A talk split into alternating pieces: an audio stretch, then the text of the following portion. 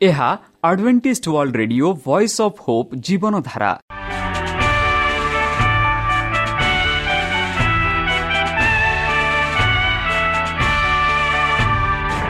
Odia radio କାର୍ଯ୍ୟକ୍ରମ ଯାହା ଆମର ଆନ୍ତର୍ଜାତୀୟ ଆଘାତ କେନ୍ଦ୍ରରୁ ପ୍ରସାରଣ କରାଯାଉଛି ପ୍ରତିଦିନ ରାତି ନଅଟା ତିରିଶ ମିନିଟ୍ରେ।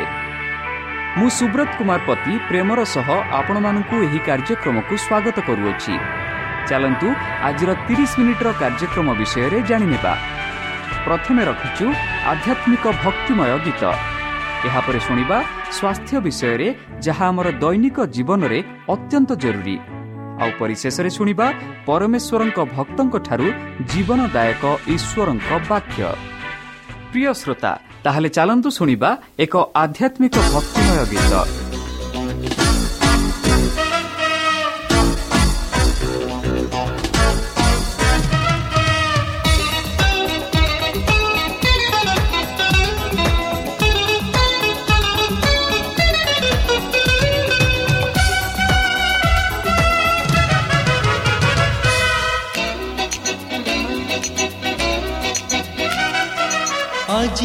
ଦିନଟି ତୁମ କରୁଣାରୁ ଆନନ୍ଦେ ଯାଇଛି ବିତି ସନ୍ଧ୍ୟା ନଇଛି ତୁମ ପଦେ ପ୍ରଭୁ ଢାଳେ ନଇ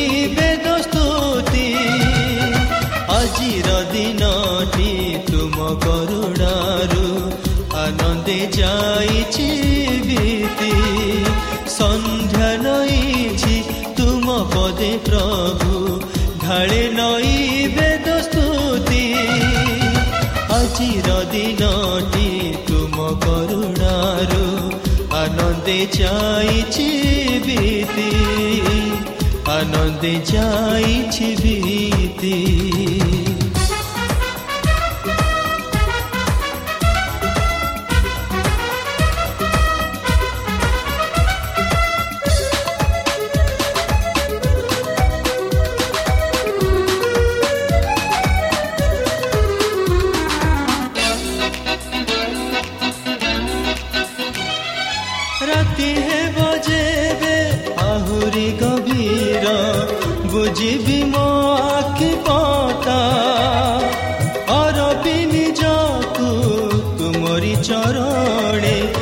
ଭୁଲିବି ନିଜର ସତା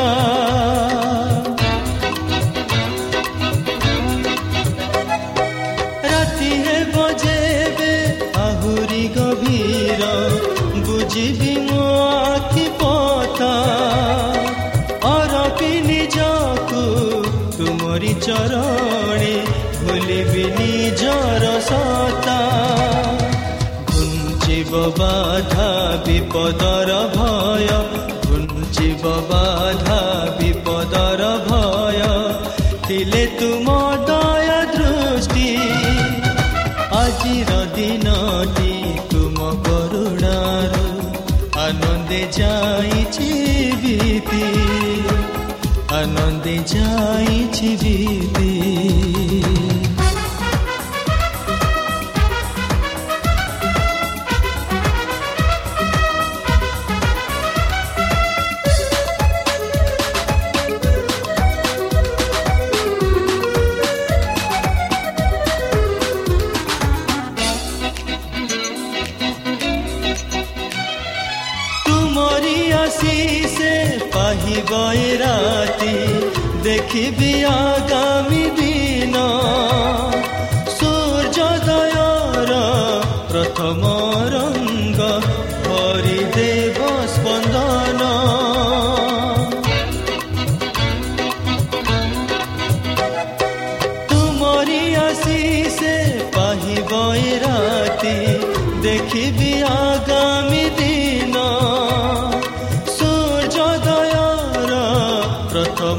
ରଙ୍ଗ ଭରିଦେବ ସ୍ପନ୍ଦନ।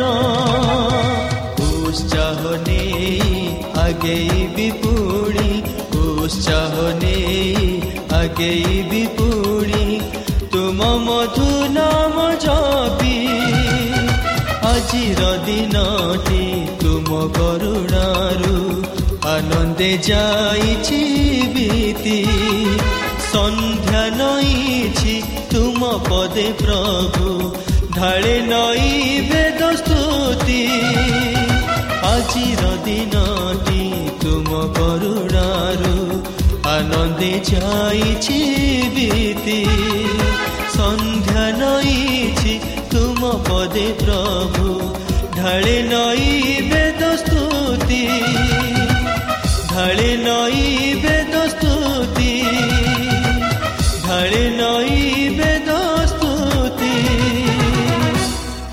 ଆପଣଙ୍କର ମତାମତ ଜଣାଇବା ପାଇଁ ଆମର ଏହି ଠିକଣାରେ ଯୋଗାଯୋଗ କରନ୍ତୁ ଆମ ଠିକଣା Adventist media centre SDA mission compound Salisbury park Pune ଚାରି ଏକ ଏକ ଶୂନ ତିନି ସାତ ମହାରାଷ୍ଟ୍ର ବା ଖୋଲନ୍ତୁ ଆମର ୱେବସାଇଟ୍ ଯେକୌଣସି android phone smartphone desktop laptop କିମ୍ବା ଟ୍ୟାବ୍ଲେଟ୍ ଆମର website W W W dot A W R dot O R G slash O R I ଏବଂ W W W dot Adventist media centre India dot O R G ବର୍ତ୍ତମାନ ଚାଲନ୍ତୁ ଶୁଣିବା ଈଶ୍ୱରଙ୍କ ଭକ୍ତଙ୍କଠାରୁ ଈଶ୍ୱରଙ୍କ ଜୀବନଦାୟକ ବାକ୍ୟ ଖ୍ରୀଷ୍ଟଙ୍କ ଜନ୍ମ ଏବଂ ପ୍ରାରମ୍ଭିକ ଜୀବନ ଭାଗ ଦୁଇ ନମସ୍କାର ପ୍ରିୟ ଶ୍ରୋତା ସେହି ସର୍ବଶକ୍ତି ସର୍ବଜ୍ଞାନୀ ପ୍ରେମର ସାଗର ଦୟାମୟ ଅନ୍ତର୍ଜମୀ ଅନୁଗ୍ରହ ପରମ ପିତାଙ୍କ ମଧୁର ନାମରେ ମୁଁ ପାଷ୍ଟ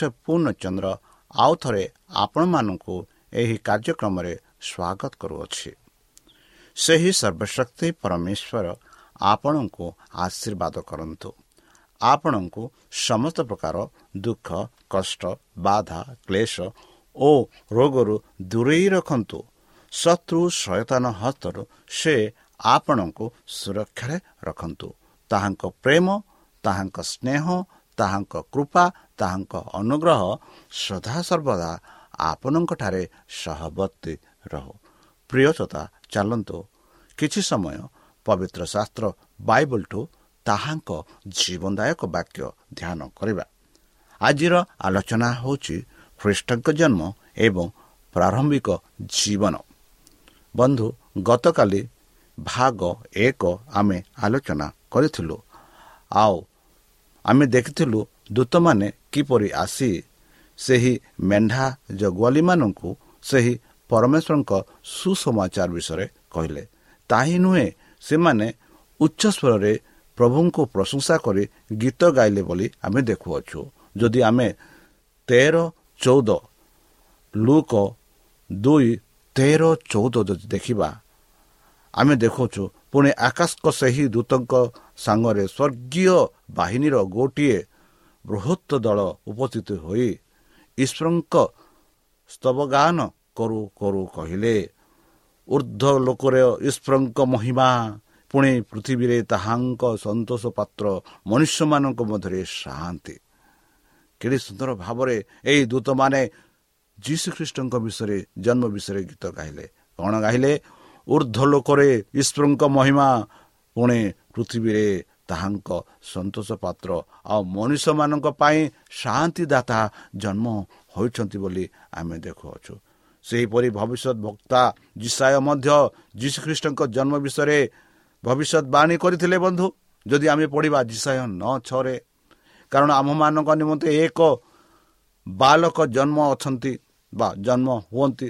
ଆମମାନଙ୍କୁ ଏକ ପୁତ୍ର ଦତ୍ତ ହୋଇଅଛନ୍ତି ଓ ତାହାଙ୍କ ସ୍କନ୍ଦରେ କର୍ତ୍ତୃତ୍ୱ ଭାର ଥୁଆ ପୁଣି ତାହାଙ୍କର ନାମ ଆଶ୍ଚର୍ଯ୍ୟ ମନ୍ତ୍ରୀ ପରାକ୍ରମୀ ପରମେଶ୍ୱର ଅନନ୍ତ ଜୀବନୀ ଅନନ୍ତକାଳୀନ ପିତା ଶାନ୍ତିର ରାଜା ହେବ ବୋଲି ଆମେ ଦେଖୁଅଛୁ। ବନ୍ଧୁ ଯୀଶୁଖ୍ରୀଷ୍ଟଙ୍କ ଜନ୍ମ ବିଷୟରେ ଆଉ ଯୀଶୁଖ୍ରୀଷ୍ଟ କିଏ ତାହାଙ୍କ ବିଷୟରେ ଭବିଷ୍ୟତ ଜିସାୟ ଭବିଷ୍ୟତବାଣୀ କରିଥିଲେ। ସେ କହିଲେ କି ସ୍କନ୍ଦରେ ତାଙ୍କ ସ୍କନ୍ଦରେ କୃତୃତ୍ୱ ଭାର ଥୁଆଯିବ। ପୁଣି ତାହାଙ୍କର ନାମ ଆଚାର୍ଯ୍ୟ। ମନ୍ତ୍ରୀ ପରାକ୍ରମୀ ପରମେଶ୍ୱର ଅନନ୍ତକାଳୀନ ପିତା ସେ ଆଉ ଶାନ୍ତିର ରାଜା ହେବ ବୋଲି ଏହିପରି ବର୍ଣ୍ଣନା କରି ଜିସାୟ ଭବିଷ୍ୟତ ବକ୍ତା କହିଲେ। ଆଗକୁ ସେହି ଜିସାୟ ଭବିଷ୍ୟତ ବକ୍ତା କହିଲେ ପଦ ଛଅ ସାତରେ। ଏହିପରି ସେ ବର୍ଣ୍ଣନା କଲେ କାରଣ ଆମମାନଙ୍କ ନିମନ୍ତେ ଏକ ବାଲକ ଜନ୍ମି ଅଛନ୍ତି। ଆମମାନଙ୍କୁ ଏକ ପୁତ୍ର ଦତ୍ତ ହୋଇଛନ୍ତି ଓ ତାହାଙ୍କ ସ୍କନ୍ଦରେ କର୍ତ୍ତୃତ୍ୱ ଭାର ଥୁଆଯିବ ପୁଣି ତାହାଙ୍କର ନାମ ଆଚାର୍ଯ୍ୟ ମନ୍ତ୍ରୀ ପରାକ୍ରମୀ ପରମେଶ୍ୱର ଅନନ୍ତକାଳୀନ ପିତା ଶାନ୍ତି ରାଜା ହେବ। ତାହାଙ୍କୁ କର୍ତ୍ତୃତ୍ୱ ବୃଦ୍ଧି ଓ ଶାନ୍ତିର ସୀମା ରହିବ ନାହିଁ ବନ୍ଧୁ ଏହିପରି ଭବିଷ୍ୟତ ଭକ୍ତା ଜିସାୟ ବର୍ଣ୍ଣନା କରି କହୁଛନ୍ତି। ଆଉ ସେ କାହାର ସିଂହାସନରେ ବସିବେ? ସେ ଦାଉଦଙ୍କ ସିଂହାସନରେ ଓ ତାଙ୍କର ରାଜ୍ୟର ଉପବିଷ୍ଟ ହୋଇ ନ୍ୟାୟ ବିଚାର ଓ ଧର୍ମ ଧର୍ମିକତାରେ ଏକ କ୍ଷଣଠାରୁ ଅନ୍ୟ କାଳ ପର୍ଯ୍ୟନ୍ତ ତାହା ସ୍ତୁତିର ଓ ସଦୃଢ଼ କରିବେ। ସୈନ୍ୟାଧିପତି ସଦାପ୍ରଭୁ ଉଦ୍ରୋଗ ଏହା ସାଧନ ଏହା ସାଧନ କରିବେ ବନ୍ଧୁ ତାହାଙ୍କ ବିଷୟରେ ଏହିପରି ଜିସାୟ ଭବିଷ୍ୟତ ବର୍ଣ୍ଣନା କରି କହନ୍ତି ସେ ନ୍ୟାୟ ବିଚାର କରିବେ ସେ ସମସ୍ତ ରାଜ୍ୟର ରାଜତ୍ୱ କରିବେ ଆଉ ସେ ଦାଉଦଙ୍କ ସିଂହାସନରେ ବସିବେ ଆଉ ସେ ଧାର୍ମିକତାରେ ଅକ୍ଷଣଠାରୁ ଅନ୍ୟ କ୍ଷଣ ମାନେ ସଦା ସର୍ବଦା ଆମମାନଙ୍କ ପାଇଁ ଧାର୍ମିକ ବିଚାର କରିବେ। ସେ ହେଉଛନ୍ତି ସୈନ୍ୟାଧିପତି ସଦାପ୍ରଭୁ। ବନ୍ଧୁ ଏହିପରି ଯେବେ ଯୀଶୁ ଜନ୍ମ ହେଲେ ସିମୋନ ଯିଏକି ଯୀଶୁ ଖ୍ରୀଷ୍ଟଙ୍କ ଜନ୍ମ ବିଷୟରେ ଆଗ୍ରହୀ ଥିଲେ ସେ ଯେବେ ଯୀଶୁ ଖ୍ରୀଷ୍ଟଙ୍କୁ ଦେଖିଲେ ସେ ବାଲ୍ୟ ଅବସ୍ଥାରେ ସେ ଏହିପରି କହିଲେ ବନ୍ଧୁ ଲୁକ ଦୁଇ ସତାଇଶ ଟୁ ବତିଶ ଯଦି ଆମେ ପଢ଼ିବା ସିମନ ସେହି ଭବିଷ୍ୟତ ବକ୍ତା ଯୀଶୁ ଖ୍ରୀଷ୍ଟଙ୍କ ବିଷୟରେ ଏହିପରି କହିଲେ ସେ ଆତ୍ମାଙ୍କ ଦ୍ୱାରା ଚାଲିତ ହୋଇ ମନ୍ଦିରକୁ ଆସିଲେ କିଏ? ସିମନ।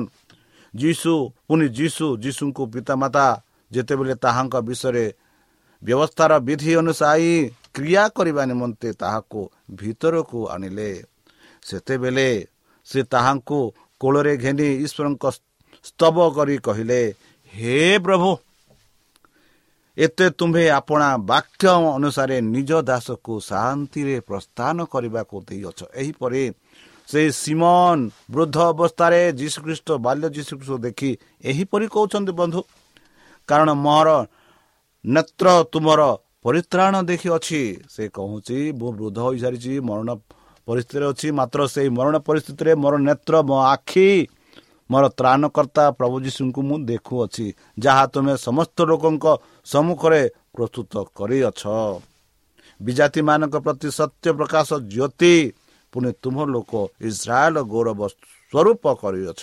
କେଡ଼େ ସୁନ୍ଦର ଭାବରେ ଯୀଶୁ ଖ୍ରୀଷ୍ଟଙ୍କ ବିଷୟରେ ବର୍ଣ୍ଣନା କରି ସେହି ସିମନ କହିଲେ। ଆଉ ସେ ଖ୍ରୀଷ୍ଟଙ୍କଠାରେ ପ୍ରଭୁଙ୍କଠାରେ ବହୁତ କୃତଜ୍ଞତା ଥିଲେ ଯେହେତୁ ତାଙ୍କ ବୃଦ୍ଧ କାଳରେ ସେହି ତ୍ରାଣକର୍ତ୍ତା ପ୍ରଭୁ ଯୀଶୁଙ୍କୁ ଦେଖିପାରିଥିଲେ। ବନ୍ଧୁ ସେହି ସମୟରେ ଆଉ ଜଣେ ବିଧବା ସ୍ତ୍ରୀ ଥିଲେ ଯାହାର ନାମ ଥିଲା ଆନା। ସେ ବି ଯୀଶୁ ଖ୍ରୀଷ୍ଟଙ୍କୁ ଅପେକ୍ଷା କରିଥିଲେ। ଆଉ ଯେବେ ସେ ଯୀଶୁ ଖ୍ରୀଷ୍ଟଙ୍କୁ ଦେଖିଲେ ସେ ବି ଏହିପରି କହିଲେ ସେହି ଦଣ୍ଡରେ ଅପତିତ ହୋଇ ଈଶ୍ୱରଙ୍କର ସ୍ତୁତିବାଦ କରୁ କରୁ ଜେରୁସାଲମର ମୁକ୍ତି ଅପେକ୍ଷାରେ ଥିବା ସମସ୍ତଙ୍କୁ ତାହା ବିଷୟ କହିବାକୁ ଲାଗିଲା। ଯେବେ ସେ ଦେଖିଲେ ସେହି ଶିଶୁକୁ ସେ ଶିଶୁ ବିଷୟରେ ସମସ୍ତଙ୍କୁ କହିବାକୁ ଲାଗିଲା ବୋଲି ଆମେ ଦେଖୁଅଛୁ। ବନ୍ଧୁ ଆମେ ଦେଖୁ ମଧ୍ୟ ଦକ୍ଷିଣ ପୂର୍ବଠାରୁ ପୂର୍ବଠାରୁ ଯେଉଁ ତିନି ବ୍ୟକ୍ତି ଯାହା ଆମେ କହୁଛୁ ୱାଇଜ୍ ମ୍ୟାନ୍ ସେ ତିନି ବ୍ୟକ୍ତିମାନେ ମଧ୍ୟ ସେହି ତାରାକୁ ଦେଖି ସେହି ଯୀଶୁ ଖ୍ରୀଷ୍ଟଙ୍କୁ ଖୋଜି ଖୋଜି ଆସିଲେ ବୋଲି ଆମେ ଦେଖୁଅଛୁ ଯାହା ଆମେ ପ୍ରାରମ୍ଭରେ ଦେଖିଥିଲୁ କାଲି। ଯାହା ସେମାନେ ରାଜା ହେରଦଙ୍କ ସହିତ ସାକ୍ଷାତ କରିଥିଲେ।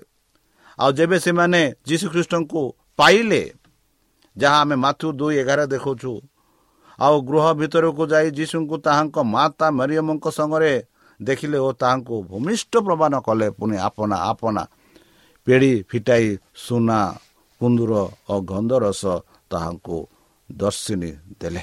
ବନ୍ଧୁ ସେମାନେ ପୂର୍ବ ଦେଶରୁ ଖୋଜି ଖୋଜି ସେହି ତ୍ରାଣକର୍ତ୍ତା ଯୀଶୁଖ୍ରୀଷ୍ଟଙ୍କୁ ପାଇବା ପାଇଁ ସେମାନେ ଆସିଲେ। ଆଉ ଯେବେ ସେମାନେ ପାଇଲେ ସେମାନେ ବହୁତ ଖୁସି ହେଲେ ଭୂମିଷ୍ଠ ହୋଇ ପ୍ରମାଣ କଲେ ପୂଜା କଲେ। ଆଉ ପରମେଶ୍ୱରଙ୍କୁ ଯାହା ଯାହା ସେମାନଙ୍କଠାରେ ଥିଲା ସେମାନେ ଫେରିଦେଲେ ସେମାନେ ଦେଲେ ଉପହାର ଦେଲେ। ଆଉ ସେ ତାହା ହେଉଛି ସୁନା କୁନ୍ଦୁର ଓ ଗନ୍ଧରସ୍ତ ଏହିସବୁ ସେମାନେ ଯୀଶୁଖ୍ରୀଷ୍ଟଙ୍କୁ ଦର୍ଶିନୀ ଦେଲେ ବୋଲି ଆମେ ପବିତ୍ର ଶାସ୍ତ୍ର ବାଇବଲରେ ଦେଖୁଅଛୁ। ବନ୍ଧୁ ଏହା ଥିଲା ଖ୍ରୀଷ୍ଟଙ୍କ ଜନ୍ମ ଆଉ ତାଙ୍କ ଜୀବନରେ ଯାହା ଘଟିଥିଲା। ଆମେ ଦେଖୁଅଛୁ ଯେବେ ହେରଦ ରାଜା ସେହି ତିନି ରାଜାମାନେ ଆସି ହେରଦ ରାଜାକୁ ସାକ୍ଷାତ କଲେ ନାହିଁ ହେରଦ ରାଜାର ମନ ଏତେ ଭୟଙ୍କର ସେ ସେ ଜାଣିବାକୁ ଇଚ୍ଛା କଲେ ସେଇ ରାଜା କିଏ? ଆଉ ଜାଣିପାରିଲେ ନାହିଁ। ଆଉ ସେ ଏହିପରି ଶୈତାନର ପ୍ରଲୋଭନରେ ପଡ଼ି ପ୍ରତ୍ୟେକ ଶିଶୁର ଜୀବନ ନେବା ପାଇଁ ସେ ଚେଷ୍ଟା କରିଥିଲେ। ଆଉ ସେହି ସମୟରେ ଆମେ ଦେଖୁଅଛୁ କିପରି ଜୋସେଫ ଓ ମରିଆମ ଯୀଶୁକୁ ନେଇ ମିଶ୍ର ଦେଶକୁ ପ୍ରସ୍ଥାନ କରିଥିଲେ। ଯଦି ଆମେ ପଢ଼ିବା ତାର ତେର ପଦ ଆମେ ସେଠି ପାଉଅଛୁ ସେମାନେ ପ୍ରସ୍ଥାନ କଲା ଉତ୍ତାରେ ଦେଖ ପ୍ରଭୁଙ୍କର ଜଣେ ଦୂତ ସ୍ୱପ୍ନରେ ଜୋସେଫଙ୍କୁ ଦର୍ଶନ ଦେଇ କହିଲେ ଉଠ। ଶିଶୁ ଓ ତାଙ୍କ ମାତାଙ୍କୁ ଘେନି ମିଶ୍ରକୁ ପଲାଅ।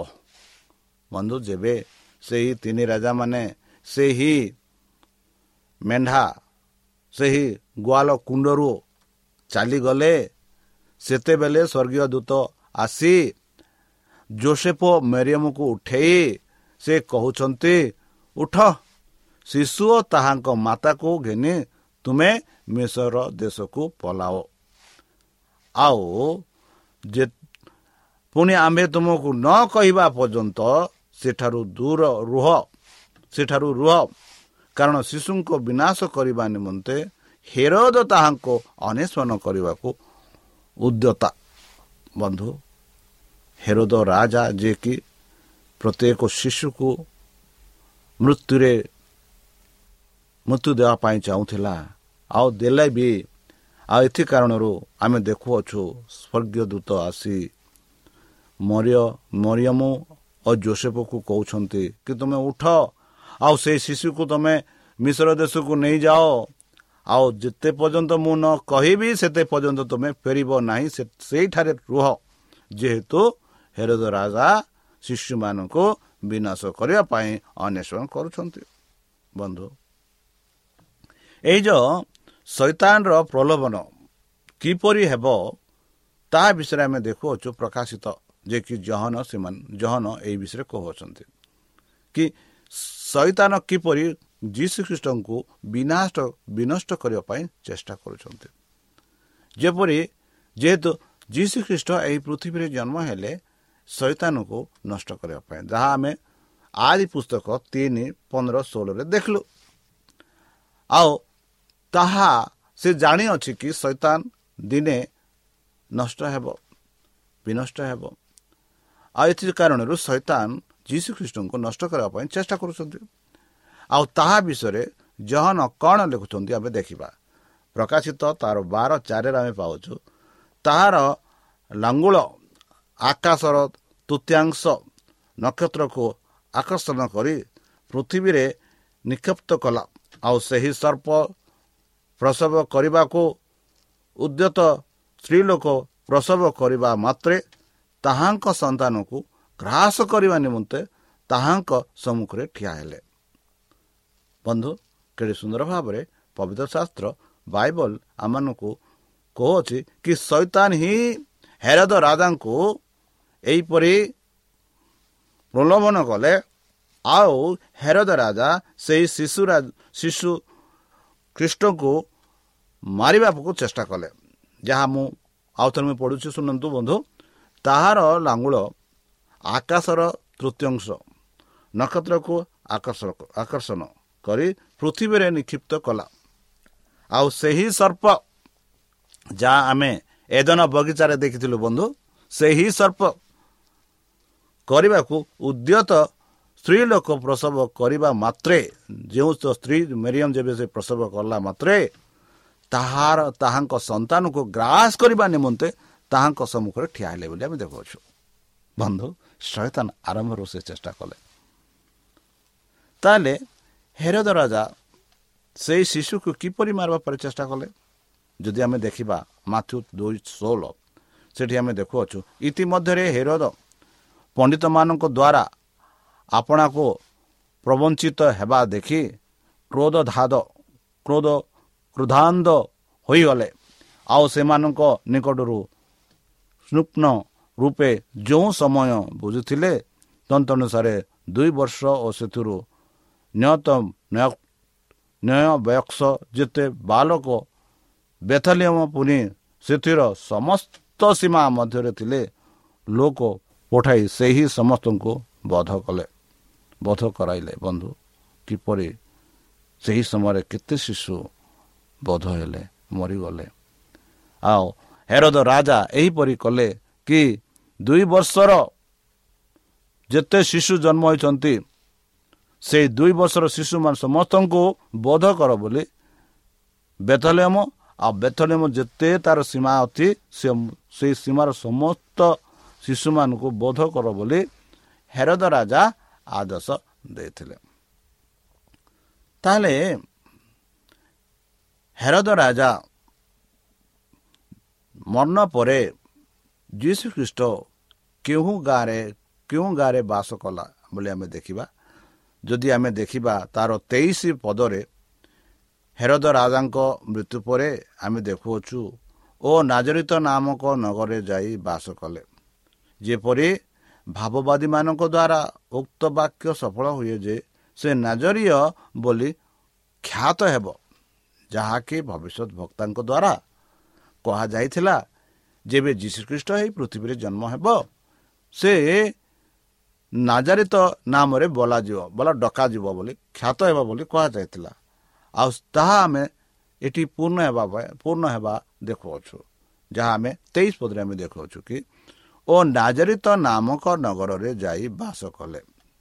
ଯେପରି ଭାବବାଦୀମାନଙ୍କ ଦ୍ୱାରା ଉକ୍ତ ବାକ୍ୟ ସଫଳ ହୁଏ ଯେ ସେ ନାଜରିତ ବୋଲି ଖ୍ୟାତ ହେବ। ତାହେଲେ ପବିତ୍ର ଶାସ୍ତ୍ର ବାଇବଲ ତାଙ୍କ ପ୍ରାରମ୍ଭିକ ଜୀବନ ବିଷୟରେ କିପରି ବର୍ଣ୍ଣନା କରି କହୁଅଛି? ଯଦି ଆମେ ଲୁକ ତାର ଦୁଇ ଚାଳିଶ ଏକାବନ ଦେଖିବା ଏହିପରି ବର୍ଣ୍ଣନା କରି କହୁଅଛି ଆଉ ଶିଶୁ ବୃଦ୍ଧି ପାଇବାକୁ ଲାଗିଲେ ଓ ଜ୍ଞାନରେ ପୂର୍ଣ୍ଣ ହେଉ ହେଉ ଶକ୍ତିମାନ ହେଲେ। ପୁଣି ଈଶ୍ୱରଙ୍କ ଅନୁଗ୍ରହ ତାହାଙ୍କ ଉପରେ ଥିଲା। ପରେ ସେ ସେମାନଙ୍କ ସାଙ୍ଗରେ ବାହୁଡ଼ି ନାଜରିତକୁ ଆସିଲେ ଓ ସେମାନଙ୍କର ବଶୀଭୂତ ହୋଇ ରହିଲେ। ପୁଣି ତାହାଙ୍କ ମାତା ଏହି ସମସ୍ତ କଥା ସାବଧାନ ରୂପେ ଆପନା ହୃଦୟରେ ରଖିଥିଲେ। ବନ୍ଧୁ ଯେପରି ବାଲ୍ୟ ସମୟରେ ଯେପରି ସମୟ ଥିଲା ଯେପରି ଏହିପରି ଜୀବନରେ ସେ ଥିଲେ ବୋଲି ଆମେ ଦେଖୁଅଛୁ। ଯାହାକି ମରିୟମ ଏହା ସବୁ ଜାଣିଥିଲେ। ବନ୍ଧୁ ଯେତେବେଳେ ଜିରୁସାଲାମରେ ଏକ ଭୋଜି ହେଉଥିଲା ସେତେବେଳେ ଯୀଶୁ ଆଉ ଜୋସେଫ ଆଉ ମରିୟ ମରିୟମ ସେହି ଜେରୁସାଲମ ମନ୍ଦିରକୁ ଯାଇଥିଲେ ଆଉ ସେତେବେଳେ ଯୀଶୁ ଖ୍ରୀଷ୍ଟ ବାର ବର୍ଷ ଥିଲେ। ଆଉ ଯେତେବେଳେ ସେମାନେ ସେହି ମନ୍ଦିରର ପର୍ବ ଶେଷ ହେଲା ପରେ ସେମାନେ ଫେରି ଆସୁଥିଲେ ଆଉ ସେତେବେଳେ ଯୀଶୁ ଖ୍ରୀଷ୍ଟ ସେମାନଙ୍କଠାରେ ନଥିଲେ ସେ କେଉଁଠାରେ ଥିଲେ ଜାଣିନଥିଲେ। ଆଉ ଯୀଶୁ ଖ୍ରୀଷ୍ଟ କେଉଁଠାରେ ଥିଲା ଥିଲେ ତାହା ବିଷୟରେ ଆମେ ଦେଖୁଅଛୁ ତାର ଚଉରାଳିଶ ଟୁ ପଇଁଚାଳିଶ ପଦରେ ମାତୃ ଚଉରାଳିଶ ଟୁ ପଇଁଚାଳିଶ ଦୁଇ ଚଉରାଳିଶ ଟୁ ପଇଁଚାଳିଶ ପଦରେ ଆମେ ଦେଖୁଅଛୁ। କିନ୍ତୁ ସେ ସହଯାତ୍ରୀମାନଙ୍କ ସଙ୍ଗରେ ଅଛନ୍ତି ବୋଲି ମନେକରି ସେମାନେ ଦିନକର ବାଟ ଚାଲିଗଲେ। ପୁଣି ଆତ୍ମୀୟ ପରିଚିତ ଲୋକମାନଙ୍କ ମଧ୍ୟରେ ତାହାଙ୍କର ଅନ୍ୱେଷଣ କରିବାକୁ ଲାଗିଲେ। ଆଉ ତାହାଙ୍କୁ ନ ପାଇ ଖୋଜୁ ଖୋଜୁ ଜେରୁସାଲାମକୁ ଭେଟିଗଲେ। ବନ୍ଧୁ ଯେବେ ଯୀଶୁ ଖ୍ରୀଷ୍ଟ ତାହାଙ୍କ ସହ ଗଲେ ଆଉ ଯୀଶୁ ଖ୍ରୀଷ୍ଟ ସେଇ ମନ୍ଦିର ଗଲା ପରେ ଆମେ ଦେଖୁଅଛୁ ଯେବେ ମରିୟମ ଯେବେ ଜୋସେଫ ଘରକୁ ଫେରି ଆସୁଥିଲେ ସେମାନେ ଭାବୁଥିଲେ ଯୀଶୁ ଖ୍ରୀଷ୍ଟ ଅନ୍ୟ ଯାତ୍ରୀମାନଙ୍କ ସହ ଆସୁଅଛି। ମାତ୍ର ଯେବେ ସେମାନେ ଦେଖିଲେ ପବିତ୍ର ଶାସ୍ତ୍ର ବାଇବଲ ଅନୁସାରେ ସେମାନେ ଗୋଟିଏ ଦିନ ରାସ୍ତା ଚାଲି ସାରିଲେ ଆଉ ଚାଲି ସାରିଲା ପରେ ସେମାନେ ଅନ୍ୱେଷଣ କଲେ କି ଯୀଶୁ ଖ୍ରୀଷ୍ଟ ନାହାନ୍ତି। ଆଉ ସେମାନେ ଖୋଜି ଖୋଜି ଖୋଜି ଖୋଜି ଜିରୁସାଲମକୁ ଫେରିଗଲେ। ବନ୍ଧୁ ଆମେ ବର୍ତ୍ତମାନ ସେହି ଯୀଶୁ ଖ୍ରୀଷ୍ଟ ଆମମାନଙ୍କ ସହ ଅଛନ୍ତି। ହେଲେ ହିଁ ଆମେ ଯୀଶୁ ଖ୍ରୀଷ୍ଟକୁ ପାଇଣୁ ଯେହେତୁ ଆମେ ତାହାଙ୍କୁ ଏକ ଦୃଷ୍ଟିରେ ଦେଖୁନାହୁଁ। ଯେପରି ଆମେ ଦେଖୁଅଛୁ ସେମାନେ କେଉଁଠାରେ ପାଇଲେ ଆମେ ଏଠି ପାଉଅଛୁ? ଜୋସେଫ ମେରିୟମ ତିନି ଦିନ ପରେ ସେମାନେ ଯୀଶୁଙ୍କୁ ମନ୍ଦିରରେ ପାଇଲେ ବନ୍ଧୁ। ଆଉ ଯୀଶୁଖ୍ରୀଷ୍ଟ ମନ୍ଦିରରେ ପଣ୍ଡିତମାନଙ୍କ ମଧ୍ୟରେ ବସି ସେମାନଙ୍କ କଥା ଶୁଣୁଥିଲେ। ଆଉ ସେମାନଙ୍କୁ ପ୍ରଶ୍ନ ପଚାରୁଥିଲେ ବୋଲି ଆମେ ଦେଖୁଅଛୁ। ଯେତେବେଳେ ମରିୟମ ଜୋସେଫ ତିନି ଦିନ ଯାତ୍ରା କଲା ପରେ ସେମାନେ ସେହି ମନ୍ଦିରରେ ଯୀଶୁ ଖ୍ରୀଷ୍ଟଙ୍କୁ ପାଇଲେ। ଆଉ ଯୀଶୁ ଖ୍ରୀଷ୍ଟ ପଣ୍ଡିତମାନଙ୍କ ମଧ୍ୟରେ ବସି ଖ୍ରୀଷ୍ଟ ସେମାନଙ୍କ କଥା ଶୁଣୁଛନ୍ତି ଆଉ ସେମାନଙ୍କୁ ପ୍ରଶ୍ନ କରୁଛନ୍ତି। ଆଉ ପରିଶେଷ ଆମେ ଦେଖୁଛୁ ବନ୍ଧୁ ଆଉ ଯେତେ ଲୋକ ତାହାଙ୍କ କଥା ଶୁଣୁଥିଲେ ସେମାନେ ସମସ୍ତେ ବୁଦ୍ଧି ଓ ଉତ୍ତର ଆଚମ୍ବିକ ହେଉଥିଲେ। ଆଉ ଯୀଶୁ ଜ୍ଞାନରେ ଶରୀରରେ ପୁଣି ଈଶ୍ୱରଙ୍କ ମଣିଷମାନଙ୍କ ଅନୁଗ୍ରହରେ ବୃଦ୍ଧି ପାଇଲେ। ଏହା ଆମେ ତାଙ୍କ ବାଲ୍ୟକାଳର ଜୀବନ ବିଷୟରେ ଦେଖୁଅଛୁ।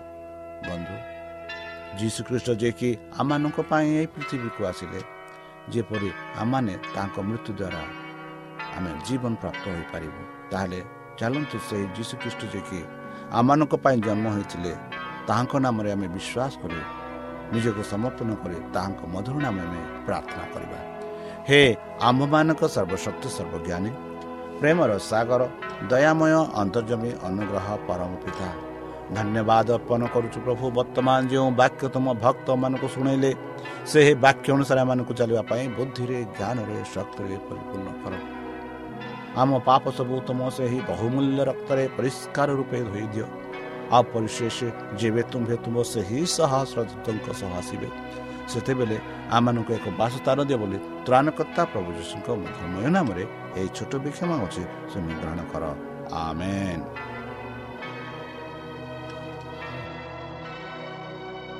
ପ୍ରିୟ ଶ୍ରୋତା ଆମେ ଆଶା କରୁଛୁ ଯେ ଆମର କାର୍ଯ୍ୟକ୍ରମ ଆପଣମାନଙ୍କୁ ପସନ୍ଦ ଲାଗୁଥିବ ଆପଣଙ୍କର ମତାମତ ଜଣାଇବା ପାଇଁ ଆମର ଏହି ଠିକଣାରେ ଯୋଗାଯୋଗ କରନ୍ତୁ ଆମ ଠିକଣା Adventist media centre SDA mission compound সাি park Pune চারি এক এক শূন্য তিন সাত মহারাষ্ট্র বা খোলতু আমার ওয়েবসাইট যেকোন android phone smartphone desktop laptop কিংবা ট্যাবলেট আমার ওয়েবসাইট www.awr.org/ডবলু ডট ডট ও ଏବଂ W W W dot Adventist media centre India dot O R G Adventist media centre ଇଣ୍ଡିଆର ସ୍ପେଲିଂ ହେଉଛି A D V E N T I S T M E D I A C E N T R E I N D I A ଅଥବା download କରନ୍ତୁ ଆମର mobile app ଆପଣଙ୍କର mobile play ଷ୍ଟୋରକୁ ଯାଆନ୍ତୁ ଆଉ type କରନ୍ତୁ the voice of hope ଆଉ download କରନ୍ତୁ। ଈଶ୍ୱର ଆପଣଙ୍କୁ ଆଶୀର୍ବାଦ କରନ୍ତୁ ଧନ୍ୟବାଦ